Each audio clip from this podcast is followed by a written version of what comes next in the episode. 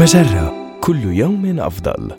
من هارفارد بزنس ريفيو أحد مواقع مجرة إليكم النصيحة الإدارية اليوم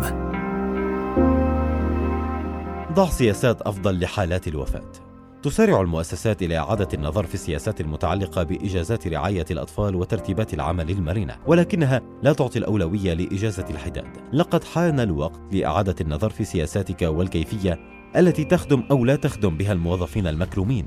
أولاً، زد مدة إجازة الحداد مدفوعة الأجر. بالنظر إلى جميع المتطلبات المتصلة بالترتيب للجنازة وتنسيق الأمور المالية والحزن على فقدان شخص عزيز فإن بضعة أيام بعيدا عن مهامنا الوظيفية لا تكفي للتعافي. كن كريما واسألهم عما يحتاجون إليه. وامنحهم إياه. لا تجعل منح الإجازة مقتصرا على أفراد العائلة المباشرة بل ضم حالات فقد أي شخص عزيز.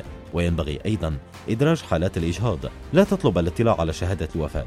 فهذا أمر غير مريح وذكر الموظفين بأي مزايا متعلقة بالصحة الذهنية تقدمها شركتك خاصة الاستشارات المتعلقة بالتعامل مع حالات الحزن. على الرغم من أن هذه اللحظات المؤلمة لا يكون لها عادة تأثير يذكر على العمل فإنها غالبا ما تكون اللحظات الأكثر أهمية وتأثيرا في مكان العمل.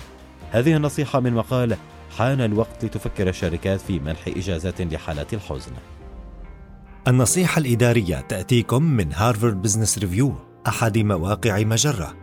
مصدرك الأول لأفضل محتوى عربي على الإنترنت مجرة كل يوم أفضل.